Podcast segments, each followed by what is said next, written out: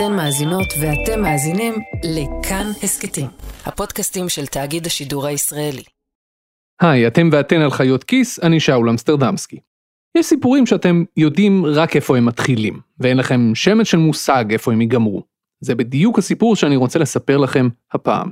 והסיפור הזה, הוא התחיל מנתון. נתון מפתיע אחד שקפץ לי לעין בהודעה לעיתונות של בנק ישראל לפני כמה חודשים טובים. יש תשעה מיליון ישראלים, משהו כמו חמישה מיליון בוגרים. שנייה, זה עוד לא הנתון המפתיע. כמה אנחנו מוציאים בכרטיסי חיוב ביום? מיליארד שקל. סכום גדול. המון. כולנו מרגישים שאנחנו כל הזמן משתמשים בכרטיסי אשראי. רגע, גם זה עוד לא הנתון המפתיע. בממדים שנתיים זה בערך 390 מיליארד שקל. אוקיי, הנה זה בא, מוכנים? בצ'קים, 812 מיליארד. יותר מפי שתיים מהסכום בכרטיסי חיוב. זה נתון מהמם. אמרתי שזה יהיה מפתיע. 812 מיליארד שקלים מסתובבים בישראל כל שנה מצד לצד בצ'קים. צ'קים, אמצעי התשלום הזה שאף אחד לא באמת אוהב. הדבר הזה שאם הלקוח או הלקוחה לפניכם בתור בסופר שלפו אותו בשביל לשלם, אז אתם יודעים שאתם עכשיו תקועים בתור לעוד חצי שעה לפחות. צ'קים. יש לכם פנקס צ'קים? אתם זוכרים איפה שמתם אותו? כי אני לא. אבל נניח שאתם כן זוכרים. אתם זוכרים כמה צ'קים עוד נשארו לכם בפנקס? אין שום מצב. אז אם אנחנו כל כך לא בקטע של צ'קים, איך יכול להיות שזה אמצעי התשלום הכי פופולרי בישראל הרבה יותר מכרטיסי אשראי או מזומן? השאלה הזו ישבה לי במוח מספיק זמן והטרידה אותי עד כדי כך, שבסופו של דבר נכנעתי לה, ועשיתי את הדבר היחידי שנראה לי הגיוני לעשות, הרמתי טלפון לבנק ישראל, וביקשתי לבוא לדבר עם, אה, כן, האחראי על הצ'קים. וככה מצאתי את עצמי במשרד של עודד סלומי, האיש ששמעתם לפני שנייה. מנהל מחלקת מערכות תשלומים וסליקה. שנייה, אל תרדמו, אני מבטיח לכם שזה הרבה יותר מגניב ממה שאתם חושבים. בואו ננסה שוב. אני שר התחבורה של המגזר הפיננסי. כשצריך להעביר תשלום כלשהו, כל הכסף שזז במדינה, או שהוא בפיקוח שלי, או שהוא מתחבר למערכת שאני מתפעל, או ברוב המקרים שניהם. אוקיי, זה כבר יותר טוב. אז השבוע בחיות כיס, איך אנחנו משלמים? סיפור שהתחיל בצ'קים במשרד של עודד סלומי בבנק ישראל, אבל עומד להיגמר במקום אחר לגמרי. מקום לא מאוד מוגדר בעתיד של כולנו. על הדרך אני גם מבטיח לכם תשובה לשאלה החשובה, למה העברת כסף לוקחת שלושה ימי עסקים. יאללה, בואו.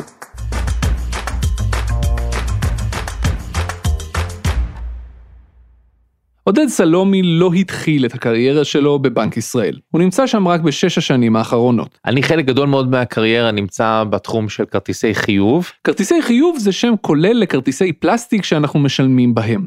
בישראל הסוג הנפוץ ביותר הוא מה שאנחנו קוראים לו כרטיסי אשראי, אבל בעצם צריך לקרוא לו כרטיס חיוב נדחה.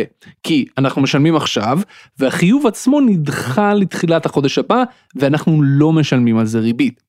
הברית למשל יש שני סוגי כרטיסים אחרים שמאוד נפוצים. כרטיס חיוב מיידי, מה שנקרא לפעמים כרטיס דביט, אתם משלמים והחיוב מתבצע מיידית מהחשבון, וגם כרטיס אשראי אמיתי, כלומר חברת אשראי שנותנת לכם מסגרת אשראי לשלם בה במהלך החודש, ובעבור האשראי הזה היא גובה ריבית, קצת כמו שהבנק גובה ריבית על המינוס שלכם. אז עודד סלומי התחיל בעולם הזה, של כרטיסי חיוב. אני עבדתי את ויזה העולמית בישראל במשך כמעט עשור, הייתי בהנהלות של כל מיני מדינות והובלתי חדשנות בכל אירופה וכל מיני דברים אה, ש, שבאמת הביאו אותי לחשוב על עצמי כמומחה בתחום התשלומים ואז הגעתי לבנק ישראל.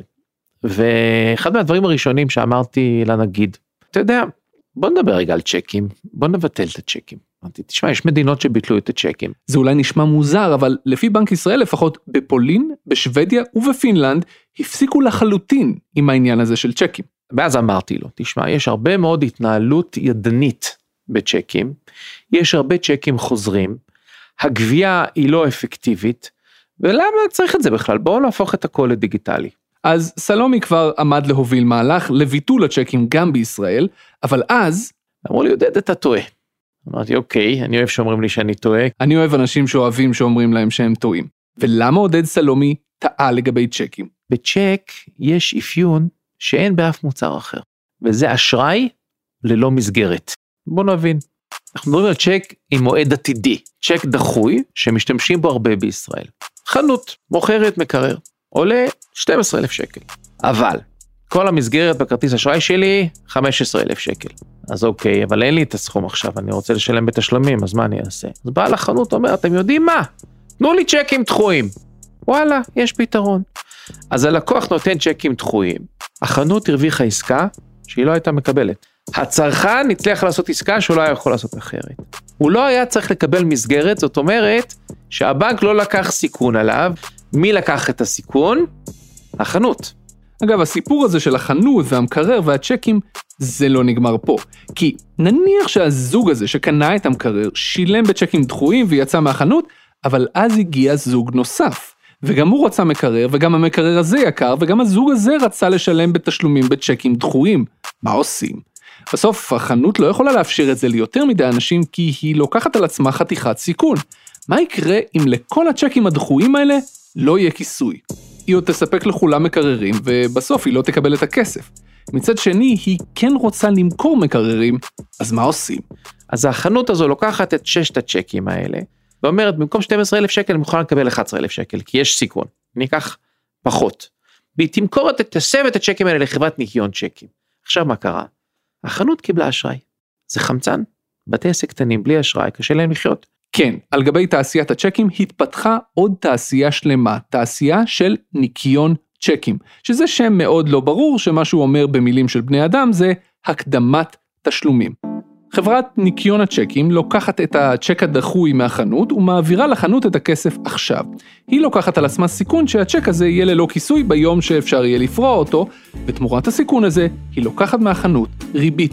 ריבית שאפשר לחשוב עליה גם כעל אחוז כלשהו מהעסקה. בית העסק מקבל את הכסף עכשיו, אבל קצת פחות כסף. הסיפור הזה של ניקיון הצ'קים הוא לא תעשייה קטנה, המון בתי עסק בישראל עובדים ככה. לפי עודד סלומי, תעשיית ניקיון הצ'קים בישראל מגלגלת כל שנה 100 מיליארד שקל. זה חתיכת וואו.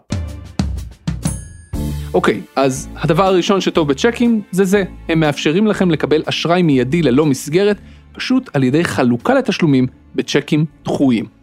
ואם אתם שואלים את עצמכם, רגע, לא הבנתי, למה לא לשלם על המקרר בכרטיס אשראי? כלומר, פשוט לפרוס אותו לתשלומים וזהו, למה צריך את הצ'קים פה? אז פה נכנס עניין מאוד חשוב לגבי כרטיסי אשראי שאנחנו משתמשים בהם בישראל. כל כרטיס כזה מגיע עם מסגרת שחברת האשראי הסכימה לתת לכם. בדוגמה של סלומי, 15,000 שקלים בחודש. מה שאומר שאם אתם באים לקנות מקרר של 12,000 שקלים, זה משאיר לכם מסגרת של 3,000 שקלים בכרטיס בלבד, וזה עלול לא להספיק לכם לכל החודש. מה עושים? פורסים את המקרר לתשלומים. העניין הוא שזה לא יפתור בכלל את הבעיה, כי גם כשאתם קונים משהו גדול ופורסים אותו לתשלומים, בדוגמה הזאת מקרר שעולה 12,000 שקלים, למרות שפרסתם את זה, חברת האשראי עדיין תופסת את מלוא הסכום מהמסגרת שלכם עד שתסיימו לשלם, עד התשלום האחרון, 12,000 שקלים מתוך 15,000. יפ, זה שפרסתם לתשלומים זה אולי עוזר לכם כל חודש להתמודד עם התזרים, אבל זה לא אומר שפיניתם לעצמכם מקום במסגרת. פריסה באמצעות צ'קים דחויים פותרת את העניין הזה. בקטע מפתיע, זה לא נגמר פה. לצ'קים יש עוד שני יתרונות מרכזיים שבגללם הם כל כך פופולריים. היתרון השני הוא שצ'ק הוא מסמך משפטי. אם מישהו נתן לכם צ'ק והתברר שלצ'ק הזה אין כיסוי, לא הכל אבוד. אתם יכולים לקחת את הצ'ק הזה להוצאה לפועל, שזה הגוף הממשלתי שפועל בשביל להסדיר חובות בישראל, אם להגדיר את זה בתמצית, ושם, אם מדובר בצ'ק של עד 25 אלף שקלים, יש מסלול מקוצר שהמדינה יצרה, שבמסגרתו היא תעזור לכם לקבל את הכסף ממי שנתן לכם את הצ'ק. זה לא מיידי, זה לא תמיד עובד, אבל בזכות העובדה שלצ'ק יש מעמד משפטי מיוחד, זה מתאפשר. זו אחת הסיבות המרכזיות שבגללן למשל הרבה בעלי דירות לא אוהבים שהשוכרים שלהם ישלמו להם הוראת קבע בהעברה בנקאית או משהו כזה, אלא מעדיפים צ'קים. כי הוראת קבע אפשר להפסיק בכל רגע נתון, ואילו הצ'קים האלה הם מסמך משפטי. ואם במקרה השוכרים לא יוכלו לעמוד בתשלומים, בעלי הבית יוכלו לגרור אותם להוצאה לפועל. והיתרון השלישי הוא יתרון שגם מסביר איך ולמה צ'קים הפכו להיות אמצעי התשלום הפופולרי ביותר בישראל. רוב הצ'קים הם לבתי עסק או בין בתי עסק, אוקיי? כי האשראי המתגלגל הזה והניקיון צ'קים הוא גם מאוד חשוב למשל לממן מלאי. הבנו שהדבר הזה הוא מהותי למשק, לבטל אותו זה ייתן מכה בלתי נסבלת, בטח לכלכלה של עסקים קטנים. כן, הסיבה העיקרית שבגללה צ'קים הם אמצעי תשלום שמגלגל הרבה יותר כסף מכל אמצעי תשלום אחר, הוא בגלל שעסקים משתמשים בו בשביל לממן את הפעילות שלהם אחד מול השני. עסקים, לא בני אדם פרטיים. בואו ניקח עסק קטן לדוגמה, נגיד פיצריה, נגיד פיצריה USA בפתח תקווה, שעדיין פועלת שם עוד מהתקופה שאני הייתי ילד, שזה חתיכת הישג. אז אתם הולכים לפיצה USA בפתח תקווה וקונים משולש פיצה. עם זיתי. אתם לא משלמים בצ'ק, אתם משלמים במזומן או בכרטיס, לוקחים את הפיצה והולכים לאכול אותה. אם שילמתם במזומן, אז הכסף נכנס ישר לקופה. ואם באשראי, הפיצריה תקבל את התשלום מחברת כרטיסי האשראי בהמשך. אבל, במקביל לתשלום שלכם, הפיצריה צריכה לשלם לספקים שלה. לספק של הגבינה הצהובה, הטעימה, ולספק של הזיתים, הטעימים, ולספק של הרוטב עגבניות תופת, ולכל הספקים האחרים שהיא עובדת מולם. אבל היא לא משלמת להם בנפרד על כל משולש פיצה שהיא מוכרת. היא משלמת להם בסכומים גדולים, וגם לא כל יום. ולכן היא עושה את זה בצ'קים. ולא סתם בצ'קים, בצ'קים דחויים. כל עסק בישראל כמעט מתנהל ככה, ובעיקר עסקים שמנהלים מלאים. הפיצריה נותנת לספק הגבינות שלה צ'ק נגיד של מיליון שקל, ואומרת לו, את זה תפקיד בעוד חודש, או חודשיים. ובינתיים ספק הגבינות מספק לה גבינה, והיא מוכרת פיצות. האפשרות לנהל את המלאי בצ'קים בעצם נותן לה מין קו אשראי מול ספק הגבינות לתקופה הזו. זה חתיכת דבר, וזו הסיבה המרכזית לפופולריות של הצ'קים. יש רק בעיה אחת. ומה הבעיה בנייר הזה? זה שיש גם צ'קים חוזרים, כמעט 4 אחוז. לסבר את האוזן, אנחנו מדברים על 25 מיליארד שקל בשנה. זה המון. ואז אמרנו, בואו נסתכל יותר לעומק על הצ'קים שחוזרים. ואנחנו רואים ש-80% מהצ'קים שחוזרים, הם לא חוזרים כי אין כיסוי מספיק. לדוגמה, חתימה לא תואמת. לדוגמה, מועד לא תקין. כל מיני דברים שניתן למנוע אם נעבור לפלטפורמה דיגיטלית. היתרונות של הצ'קים הם בדיוק החסרונות שלהם. אנחנו מדברים על נייר, פיזי. בשנת 2022 זו הזיה מוחלטת להתנהל ככה עדיין. ובגלל שמדובר בנייר, חלק גדול מההתנהלות עם צ'קים היא ידנית. אנשים כותבים עליהם בעט, בכתב יד, ולפעמים הם עושים טעויות. וכשאני אומר טעויות, אני מתכוון לדברים ממש מטומטמים שבגללם 25 מיליארד שקל לא מגיעים ליעדם כל שנה. נניח שכתבתם את התאריך לא נכון, כי התבלבלתם השנה, או שכתבתם את השם לא נכון, או שחתמתם לא טוב, או שלא כתבתם את פרטי החשבון מאחורה, או שלא ציירתם על הצ'ק קרוס, שזה בכלל לא צלב, אלא שני קווים מקבילים, אבל משום מה עדיין קוראים לזה קרוס. למה הכל כל כך מטומטם בסיפור הזה? מה, אנחנו במאה ה-18? סליחה, רוצים לשמוע משהו עוד יותר מטומטם? הנה. מסתבר שיש בתי דפוס שמדפיסים צ'קים. אתה מקבל נייר, אז מישהו הדפיס אותו. עכשיו גם מסתבר שיש רשתות ועסקים גדולים שלא רוצים לחכות שהצ'קים שלהם יגיעו מהבנק. יותר חשוב מזה, הם רוצים שתהיה אינטגרציה טכנולוגית עם המערכות הפנימיות שלהם. אז מה הן עושות? הן אומרות, אני עושה אינטגרציה של כל התהליך של ייצור צ'ק עם התוכנה הפנימית שלי, אבל אני חייבת להדפיס נייר כדי שזה באמת יהיה צ'ק. הבנק אומר להם, יש לך טווח של צ'קים, ממספר X עד מספר Y.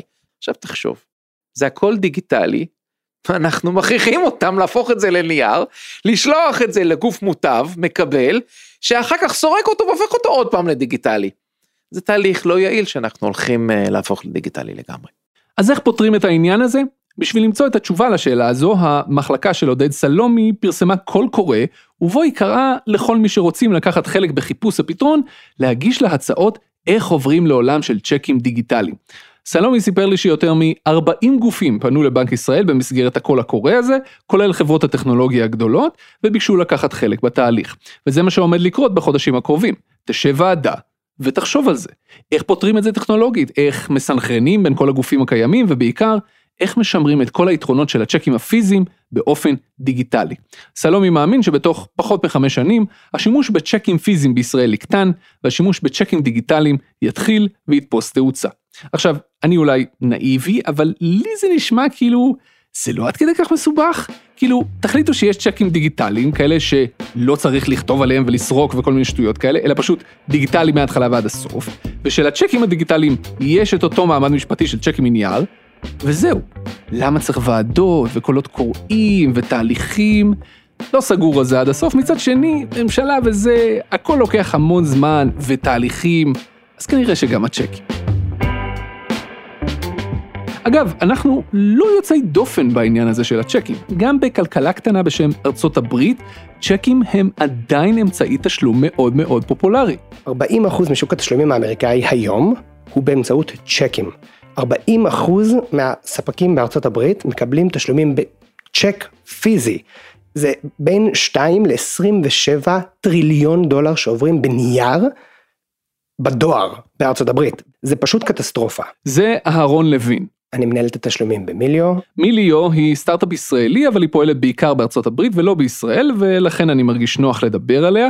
היא מאפשרת לעסקים לשלם אחד לשני בצורה נוחה יותר וטכנולוגית יותר.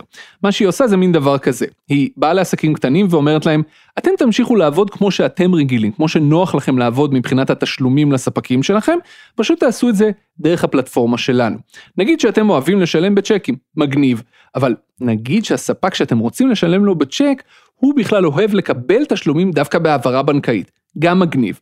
אז אני מיליו, אכנס ביניכם, ואני אדאג שאתם תמשיכו לשלם בצ'ק, והוא ימשיך לקבל את התשלום בהעברה בנקאית, כל צד והאופן שהכי נוח לו. ועל הדרך אני אתחבר לכל המערכות שלכם, ואעזור לכם לבצע את התשלום באופן דיגיטלי ולא פיזי. אם אנחנו מדפיסים מאות אלפי צ'קים בחודש, כמעט מיליוני צ'קים בחודש, אנחנו מהמדפיסי צ'קים הגדולים בארצות הברית. כי בסוף כדי לתת שירות מיטבי צריך קודם כל לאפשר את המצב הקיים. אותו ספק אה, גבינות מקבל צ'ק מאותו מוכר פיצה ששלח לו את הצ'ק באמצעות מיליו.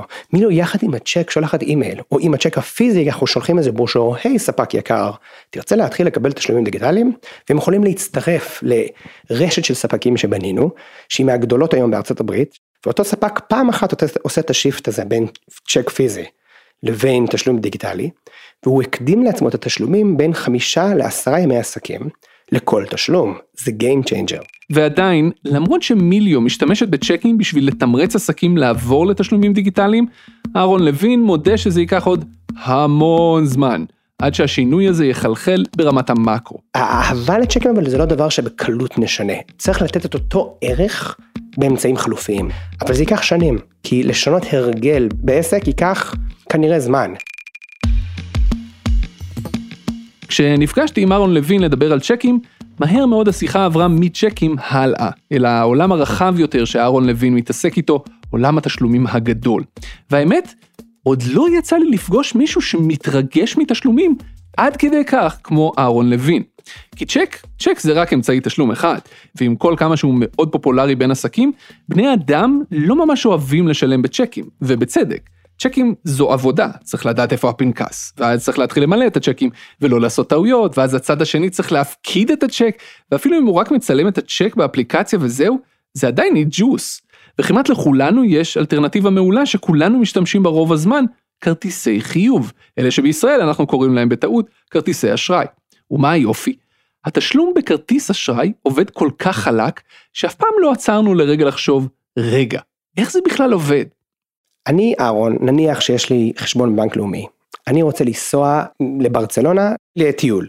אני נוסע עם כרטיס אשראי של בנק לאומי, אני רוצה לשתות קפה. אני מגיע לסטארבקס, קונה קפה. מאחורה קורים בעצם שני תהליכים. זה עומר אונגר, הוא מנכ"ל מאסטר קארד ישראל. הבנק הישראלי שלך והבנק שנותן שירותי סליקה או שירותי קבלת תשלומים לאותו בית קפה, הם לא מכירים אחד את השני בהכרח, הם לא קשורים באיזשהו הסכם, ועם זאת זה עובד כהרף עין.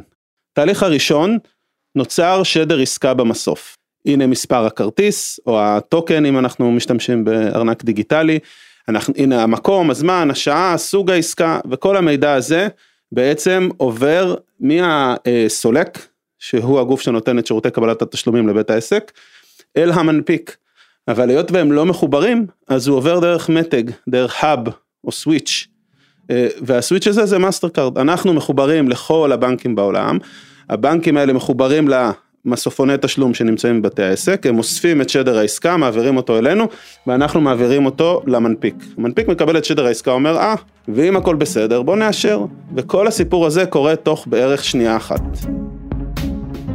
וכשעוצרים שנייה לחשוב על זה, על התהליך הזה שקורה מתחת לאף שלנו מאחורי הקלעים אין ספור פעמים כל יום, אז זה באמת מדהים. זה מדהים כי זה עובד ב-99.99% מהמקרים, וזה מדהים כי זה עובד נורא נורא מהר.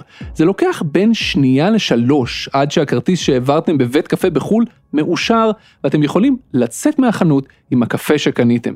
זה עובד כל כך חלק שאנחנו אפילו לא חושבים על זה יותר, זה פשוט הפך להיות מובן מאליו שזה עובד. וכשזה לא עובד, זה מעצבן אותנו בקטע של, נו, למה זה לא עובד? אבל זה ממש ממש לא מובן מאליו. ומה שעוד יותר מדהים בזה, שכל הסיפור הזה של כרטיסי אשראי התחיל די לא מזמן. כרטיסי אשראי התחילו בערך ב-50's, 60's, אה, הראשונים שהתחילו זה דיינרס, זה בעצם היה סוג של כרטיס חבר כזה של סועדים בכל מיני מסעדות. אה, ולאט לאט הוא התפתח. היום מדהים לחשוב על זה, אבל ככה זה התחיל. במקום ללכת למסעדה עם מזומן, יכולת ללכת למסעדה שחברה במועדון החברים הזה, ולשלם עם כרטיס החבר שלך, כי עצם החברות שלך במועדון נותנת לך סוג של מוניטין מסוים. בגלל זה קוראים לזה דיינרס קלאב. ובינינו זה קצת כמו לרשום במכולת של פעם כשאני הייתי ילד, אבל די מהר אנשים הבינו ש... רגע, אם זה עובד במסעדות זה יכול לעבוד גם בעוד מקומות. בנקים חברו ביחד, הקימו איזושהי חברת אה, שירותים משותפת, שנותנת את מה שתיארתי עכשיו, כלומר מערכת הסכמים, שמגדירה את השפה המשותפת הטכנולוגית, השפה המשותפת העסקית, אה, את העמלות שכרוכות בכל הסיפור הזה, אז המערכת הסכמים מגדירה את זה, והיא גם מתג טכנולוגי שכל הבנקים מתחברים אליו. באיזשהו שלב בהתפתחות של אה, חברה כמו מאסטר קארד וחברות אחרות בתחום, הם הופרדו מהבנקים שהקימו אותם, הונפקו בבורסה והפכו להיות חברות עצמאיות. וכך הגענו למצב שאם אתם גרים בחצי הכדור המערבי, כי בהודו ובסין זה עובד קצת אחרת, כמעט בטוח שכרטיס האשראי שלכם נושא את הלוגו של אחת משתי חברות, או מאסטר קארד או ויזה. כל אחת מהן היא מתג ענק מהסוג שעומר אונגר תיאר, מין מסלקות על שפועלות אי שם ברקע ומאפשרות לכל החיובים האלה להתבצע. שני גופים שמחוברים לכל הגופים הפיננסיים ומגדירים סטים של כללים והוראות שמקובלים על כל השחקנים ולכן הם פועלים. ויזה ומאסטר קארד הם כמו התשתית התת-קרקעית של העולם הפיננסי שאנחנו חיים בו. ושימו לב לקטע מעניין, גם ויזה וגם מאסטר קארד הם לא גופים פיננסיים, הם לא נותנים אשראי לאף אחד, הם בעצם כלי הדם שדרכם זורם החמצן שהוא האשראי, ואת האשראי הזה מעניקים הבנקים וחברות כרטיסי האשראי, אבל בלי כלי הדם שיאפשרו לאשראי הזה לזרום, המערכת הפיננסית ולכן גם הכלכלה כולה לא יתפקדו. אז המסלקה הזאת אפשרה דבר מדהים של העברת כספים די קלה בין שחקנים בשוק החופשי, כי השחקנים הפיננסיים לוקחים להם את כל האחריות בכל צד שהוא. מאז שנות החמישים, כשכרטיסי אשראי נולדו, זרמו הרבה מאוד תשלומים בצינורות הפיננסיים האלה. השימוש בכרטיסי אשראי הפך ליותר פופולרי, ובמקביל השימוש במזומן פחת. זה נכון שהקורונה קצת עיכבה את התהליך הזה, כי בבת אחת המון אנשים חזרו למזומן, כי מזומן זה שחור, בלי מס, אבל הקורונה באה והלכה, סוג של, ובימים האלה השימוש במזומן שוב נמצא במגמת ירידה. כשאפשר להתנהל באופן דיגיטלי אז אנשים נורמטיביים, כאלה שלא עובדים בשחור, מעדיפים לא להשתמש במזומן. זה מה שאנחנו רואים בכל המדינות המערביות, גם בישראל. ובישראל, ממש בשנים האחרונות, קרו כמעט במקביל שני מהלכים שהזניקו עוד יותר את התשלום באמצעים דיגיטליים במקום במזומן. לראשון קראו EMV, שזה בעצם הכרטיסים האלה עם הצ'יפ, והשני הוא עלייתם לישראל של הארנקים הדיגיטליים. מה שאומר שכמעט בבת אחת עברנו ממציאות שבה צריך להוציא את כרטיס האשראי שלכם מהארנק ולתת אותו למוכר בשביל שהוא יעביר אותו במכשיר הזה שקורא את הפס המגנטי, למציאות שבה אתם מוציאים את הכרטיס מהארנק אבל משאירים אותו ביד שלכם ורק מקרבים אותו למסוף ונוגעים בו, או בכלל לא מוציאים את הכרטיס משום ארנק, אולי אפילו אין לכם בכלל ארנק, אלא פשוט מצמידים את הטלפון או את השעון החכם שלכם למסוף, וזהו, העסקה מאושרת. אני עושה קניות בשוק מחנה יהודה בירושלים כמעט בכל יום שישי. פעם הייתי מגיע לשוק, מוציא מלא כסף מהכספומט בכניסה ומתחיל לשלם. וככל שהחודשים חולפים, כמות המזומן שאני צריך בשביל הקניות שלי הצטמצמה משמעותית, עד כדי 100 שקל בלבד בערך. ובתכלס, אני יכול גם להגיע בלי ארנק בכלל, כי כמעט בכל הדוכנים, גם אלה של הפירות והירקות, אני כבר יכול לשלם באשראי, ואפילו עם הטלפון בלבד. וזו לא רק האנקדוטה האישית שלי, גם מספרי המאקרו מעידים שהישראלים מאוד אוהבים את הטכנולוגיה הזאת. לפי עומר אונגר, מנכ"ל מאסטרקארד ישראל, באירופה 80% מהעסקאות שמבוצעות באשראי הן ללא מגע, ובישראל כבר 70%, למרות שהטכנולוגיה הושקעה כאן רק במהלך הקורונה. גם בשימוש בארנקים דיגיטליים אנחנו מתקדמים, בערך 10% מהתשלומים הפיזיים שאתם עושים נעשים באמצעות ארנקים דיגיטליים, כלומר באמצעות הטלפון או השעון. באירופה, היכן שהטכנולוגיה נכנסה לשימוש קודם, הנתון עומד על 20%. עומר אונגר צופה שאנחנו נסגור את הפער הזה מאוד מהר וגם נעבור אותם. זה גם הולך לשם כי, כי הלקוחות אוהבים חוויה אחידה, זה מגביר גם את הטראסט, זאת אומרת, אתה יודע שאתה מזדהה בטלפון שלך, לא משנה באיזה מחשב אתה גולש או איפה, אם אתה נמצא בתוך החנות או מחוץ לחנות, אתה תמיד מזדהה בטלפון שלך. וזו הנקודה שבה התחלתי לתהות. אוקיי, סבבה, עברנו לשלם במגע עם הכרטיס, או בכלל בלי ארנק, פשוט עם הטלפון או השעון, וזה מגניב, אני לא אומר שלא, וזה גם נוח, זה באמת באמת נוח. אבל עדיין, זה בסך הכל להצמיד את הטלפון במקום להוציא את הכרטיס מהארנק. זה לא מרגיש לי עד כדי כך דרמטי. העניין הוא שאנשי התשלומים, עודד סלומי ועומר אונגר וגם אהרון לוין, הם כולם התייחסו לזה כמו אל מהפכה מטורפת. אז שאלתי שוב ושוב למה? למה הם חושבים ככה? אני חושב שזה תהליך ענק, שאני היום צריך פחות ופחות אמצעים כדי לשלם. התשלום הופך להיות קל יותר. אפל פייס דוגמה מדהימה לדעתי לתהליכים מהגדולים ביותר שקרו בתבל. אני לא עם ארנק כבר שנתיים. הסיכונים של כרטיסים פיזיים, הגנבות של כרטיסים פיזיים נעלמו. כל פעם שאני משלם מוזל לי את הפרצוף. עכשיו, אני מודה שזה טיפה משכנע אותי. כן, ההבטחה טובה יותר. אם הכרטיס הפיזי שלכם הולך לאיבוד, אז צריך להחליף אותו, וזה קצת כאב ראש כי צריך לעדכן מלא גופים במספר החדש של הכרטיס, ואם הטלפון הלך לאיבוד או שהוא נגנב, לא צריך להחליף כרטיס בכלל, כי מה שיש לכם בטלפון זה לא הכרטיס האמיתי, זה רק ייצוג דיגיטלי שלו. וחוץ מזה, צריך את האגודל או את הפרצוף שלכם בשביל להשתמש בכרטיס, אז אתם לא צריכים לדאוג. וכן, באמצעות התפתחות הטכנולוגיה והפיכת התשלום עצמו לנוח יותר, הכלכלה עצמה גדלה כי פתאום אפשר לעשות עסקאות שקודם לא היו קורות, וזה מגניב. אבל, בואו נסתכל על זה שנייה אחרת. בואו נסתכל על כל עולם התשלומים, אוקיי? בהתחלה בהתחלה היו רק חשבונות בנק, ואם רציתם לשלם על משהו הייתם צריכים פיזית את הכסף שלכם מהבנק, במזומן. אחר כך העולם השתכלל והגיעו הצ'קים. תחשבו איזו טכנולוגיה מדהימה זו. במקום ללכת לבנק, להוציא משם את הכסף שיש לכם ולשלם איתו, אתם יכולים פשוט לתת לבית העסק נייר, נייר שכתוב עליו שאתם משלמים להם, וזה בסדר, זה עובד, סתם נייר. כי מאחורי הטכנולוגיה הזו, נייר, הייתה התחייבות של הבנק לשלם את הכסף הזה. אבל רגע, כי האנושות לא עצרה שם.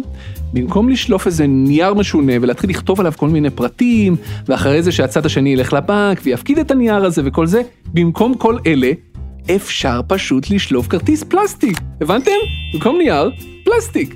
גם פה זה בדיוק אותו פרינציפ. במקום לחלק ניירות לאנשים, עכשיו מגהצים את הכרטיס. וזו התחייבות שהכסף יעבור. אבל רגע, האנושות לא עוצרת. היא התקדמה גם משם, טכנולוגיה זה דבר מדהים.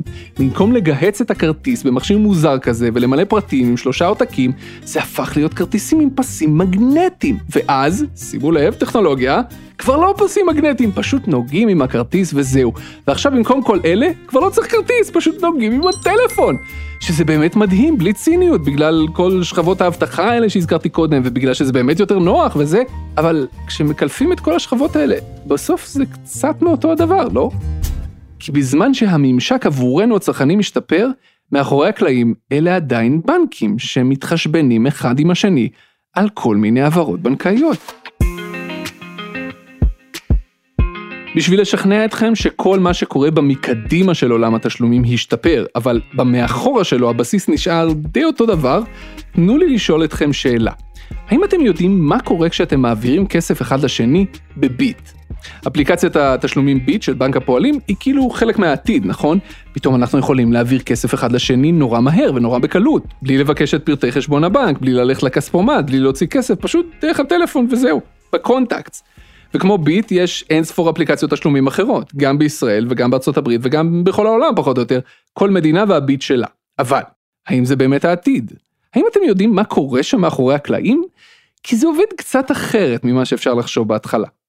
אז ביט בעצם משתמש בשתי מערכות תשלומים, זה מחייב את הכרטיס אשראי שלך, וזה עובר דרך מערכת תשלומים שקוראים לה אשראית, מי שאחראי עליה זה חברת שווה, וכשמי שמקבל את תשלום בביט, מקבל אותו בדרך מסוימת שזה העברה בנקאית, שעוברת דרך מערכת אחרת שקוראים לה מס"ב, שזה כל העברות הבנקאיות במשק, וגם על זה אנחנו מפקחים, וגם המערכת הזו מתחברת למערכת שלנו שקוראים לה זהב.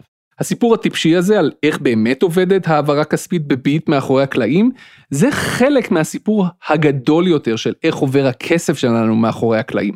כי הבנו, מאסטרקארד וויזה מאפשרות לכל בתי העסק לקבל תשלומים מצרכנים, בלי שכולם מכירים את כולם, זה מגניב, אבל בפועל, איך הכסף עובר? אז זהו, שהוא לא עובר מיידית. יש משהו שאני חייב להבין אחת ולתמיד. למה העברה בנקאית לוקחת שלושה ימי עסקים? כשאני הייתי ילד, היינו הולכים לחנות ומשלמים בכרטיס אשראי. אז היו מעבירים את הכרטיס בתוך מכשיר מגהץ שהיו לו שוברים, ובשוברים האלה היו לוקחים, היו אה, מטביעים את מספר הכרטיס. כן, דפי קופי כאלה, אבל היו שלושה עותקים לדפי קופי האלה. עותק אחד היה אה, מגיע ללקוח, עותק אחר היה נשאר בחנות. כל העסקאות שקרו באותו יום היו בדפים האלה. הייתה לוקחת את כל הדפים האלה, והייתה נותנת את זה לבנק. זה קורה גם דיגיטלית היום, גם בהעברות בנקאיות. הערימה של העסקאות האלה יחד עוברות לבנק, לטיפול. עכשיו הבנק לוקח את כל העסקאות האלה בערימה, כקובץ מרוכז, שולח אותו למסלקה, שמקבלת את הקבצים האלה מכל, מכל מיני מקומות, ואז היא מחשבת מה שקוראים סליקת נטו. מה זה אומר? בואו נגיד שהבנק הראשון חייב 100 מיליון שקל לבנק השני, והבנק השני חייב 90 מיליון שקל לבנק הראשון. אז מה זה הסליקת נטו? 100 פחות 90, 10 מיליון שקל. וזה מה שמעבירים, אבל זה לוקח זמן עד שהמסלקה מקבלת את כל הניירות האלו, שהיום הם קבצים דיגיטליים, מכל הגופים הפיננסיים, עושה את החישוב, ולמחרת אומרת, אוקיי, עכשיו נעשה סליקת נטו. עכשיו, איך היא עושה את הסליקת נטו?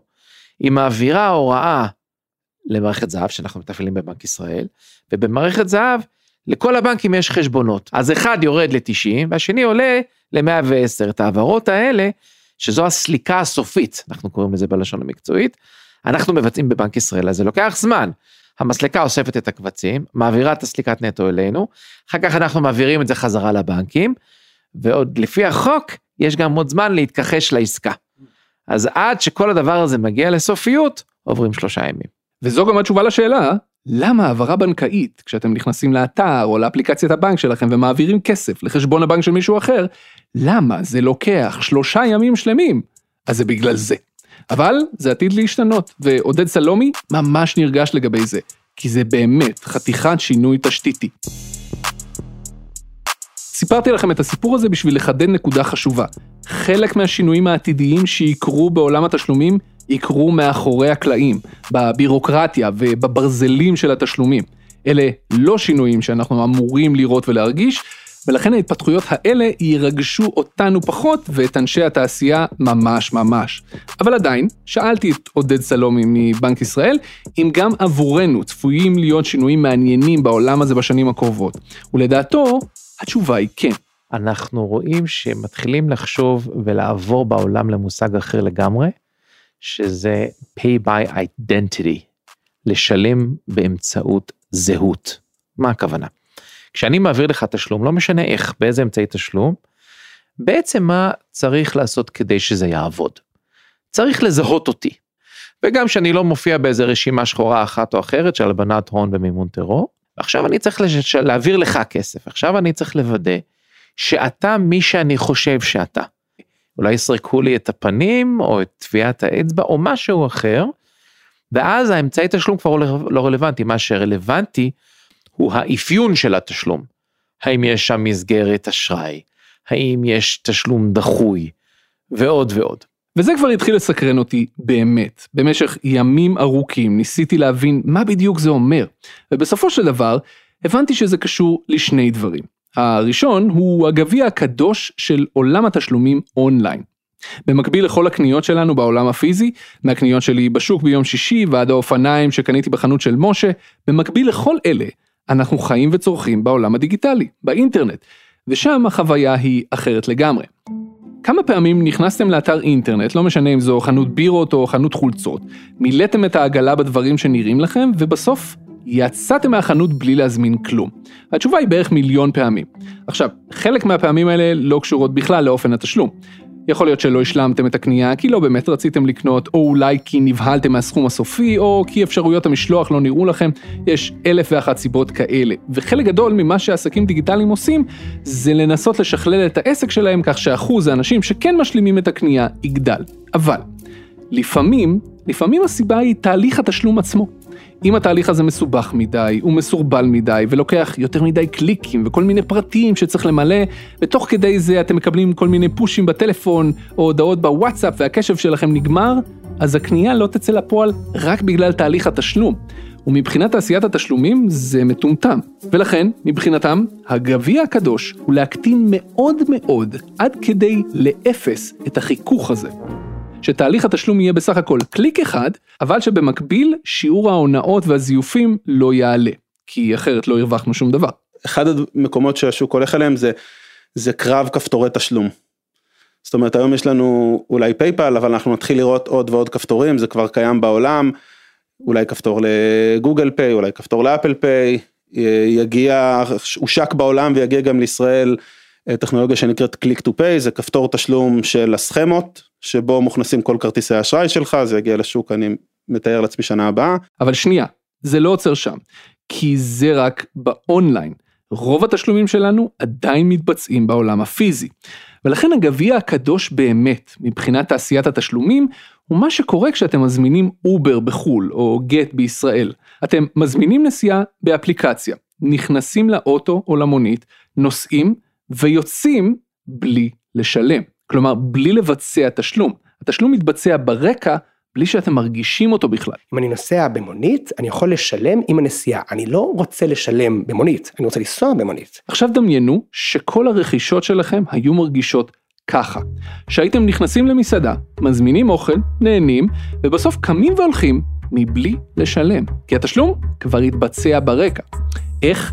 נניח שבכניסה למסעדה קיבלתם אס.אם.אס והתבקשתם לסרוק את טביעת האצבע שלכם בטלפון או להזדהות עם הפרצוף באייפון, כמו שאתם עושים מלא פעמים במהלך היום גם ככה. וזהו, עימות אחד בתחילת הארוחה וסיימתם. לזה הם מתכוונים כשהם אומרים תשלום באמצעות זהות. נדמה לי לפחות. כמו החנויות האלה שאין בהן קופות בארצות הברית, זה די זה. אבל רגע, יש לזה עוד זווית, זווית טיפה יותר מופשטת. הנה שוב מנכ"ל מאסטרקארד ישראל, עומר אונגר. תשלום בכרטיס אשראי הוא מקרה פרטי של אימות הזהות הדיגיטלית שלך. אפשר להרחיב את המקרה הפרטי הזה לאספקטים נוספים של הזהות הדיגיטלית שלנו. למשל, איפה אנחנו גרים. עכשיו נגיד שאתה רוצה לרשום את הילדים לאיזשהו גן בפתח תקווה. בשביל זה אתה צריך להוכיח שאתה גר בפתח תקווה. הבנק או גוף אחר שנתן לך אמצעי תשלום יודע איפה אתה גר. זאת אומרת לא חייבים לאמת כמה כסף יש לך בחשבון אפשר לאמת דברים אחרים שאתה רוצה שיאומתו. זה קצת מופשט אני יודע אבל יש מצב שבעתיד הבעלות שלנו על כרטיס אשראי או ליתר דיוק על אמצעי תשלום יחד עם העובדה שהחברה שנתנה לנו את אמצעי התשלום הזה יודעת לזהות אותנו באופן ודאי יכול להיות ששני אלה ישמשו גם גופים רבים אחרים שצריכים לזהות אותנו מדי פעם בשביל לעשות פעולות אחרות לגמרי יוכלו לעשות את זה מבלי שאנחנו נצטרך למלא את הפרטים האישיים שלנו שוב ושוב ושוב ושוב. שאמצעי התשלום שלנו יהיה מעובד עמוק יותר בתוך הזהות שלנו. או הפוך, שהזהות שלנו תהיה מעובדת עמוק יותר בתוך אמצעי התשלום. ויכול להיות שלא, אני לא יודע. אבל אני כן יודע דבר אחד. על הסיפור הזה של התשלומים אפשר להסתכל משתי נקודות מבט. הראשונה היא נקודת מבט עסקית או צינית. מבחינת חברות הפיננסים והפינטק וכל זה, לתת לכם להעביר כסף תוך שנייה ממקום למקום דרך הטלפון או ביט או שמית או מה שזה לא יהיה, זה עסק מפסיד. הם כולם מפסידים על זה כסף, גם ביט. מה שהם באמת כולם רוצים לעשות, זה להשתמש בפלטפורמה הזו של התשלומים בשביל להציע לכם הלוואות, אשראי, כי על אשראי עושים כסף, ריבית, או להשתמש בדאטה שלכם בשביל לעשות ממנו כסף. אבל זו רק נקודת מבט אחת. נקודת מבט אחרת היא חיובית יותר, ולפיה ההתקדמויות הטכנולוגיות בעולם התשלומים, גם אם הן קורות עקב בצד אגודל, הן מרגשות את אנשי עולם התשלומים באמת. כי זה מגניב אותם, שהתשלומים עצמם הופכים להיות פשוטים יותר ונוחים יותר. אני חושב שזו תקופה סופר מרגשת. הקשר שלי עם הבנק הולך ומצטמצם. מאוד מאוד מאוד בקלות אני אעזוב את הבנק. מה אני צריך את הבנק היום? בשביל להחזיק את הכסף? זה ייפתר עם הזמן. בשביל לשלם, גם לא צריך אותו. אומרת, מנפיק חיצוני ייתן לי כרטיס, אני אקח אותו. אני יכול לתת אפליקציה הרבה יותר יעילה לתשלומים. דיברת על טיסות ונסיעות. אני יכול להנפיק לך כרטיס עם אין סוף אה, אה, מטבעות, אתה יכול לטוס בכל העולם ולשלם מקומית. זה דרמטי. אני מחליף לך מאחורי הקלעים את איזה כרטיס אתה משתמש בו בכל מדינה. ואני מאמין שאם נפתור את וניתן פתרונות טובים יותר לתשלומים וניתן חוויות תשלום מושלמות, נוכל גם באמת לשפר את העולם הפיננסי ללא היכר. ואני ממש מתרגש מהדבר הזה שבא עלינו. מאיזו נקודת מבט אתם רוצים לבחור להסתכל על העולם הזה? את זה אני אשאיר לכם. אתם האזנתם לחיות כיס, הפודקאסט הכלכלי של כאן. העורכת שלנו היא נועה בן הגיא, עורך הסאונד הוא אסף רפפורט. עורך כאן הסכתים הוא מיר גורלי. בצוות חיות כיס תמצאו גם את צליל אברהם ואת אלון אמיצי. תודה גדולה לבלוגר והכלכלן איתי צישנבסקי על הייעוץ המדעי בפרק הזה. בשבוע הבא יש לנו פרק מיוחד בשבילכם. אני שאול אמסטרדמסקי, תודה רבה שהאזנתם.